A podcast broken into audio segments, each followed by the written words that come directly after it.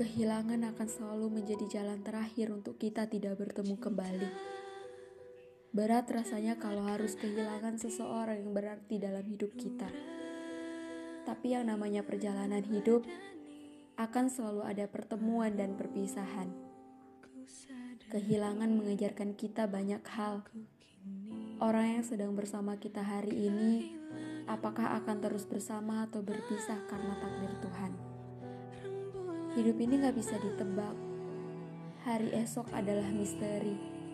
Tidak ada yang tahu jalan cerita seperti apa yang akan Tuhan berikan. Untuk mereka yang sudah meninggalkan bumi, semoga diberikan tempat yang paling nyaman di atas sana. Kembali ke rumah duka yang sebenarnya bertemu Sang Pencipta. Dan untuk mereka yang masih ada di bumi, yang pernah merasakan kehilangan seseorang yang begitu berarti, semoga Tuhan kuatkan dan lapangkan hatinya dalam menerima kepergian. Ternyata benar, yang paling berat disambut kedatangannya oleh manusia adalah kehilangan. Kesedihan yang bergelut menjadi satu, seolah dunia terasa gelap dan tidak ada cahaya yang mampu meneranginya. Berat rasanya kalau harus ditinggalkan untuk selamanya. Padahal masih banyak cerita yang mau diciptakan sama-sama. Namun, terkadang Tuhan lebih sayang kepada hambanya.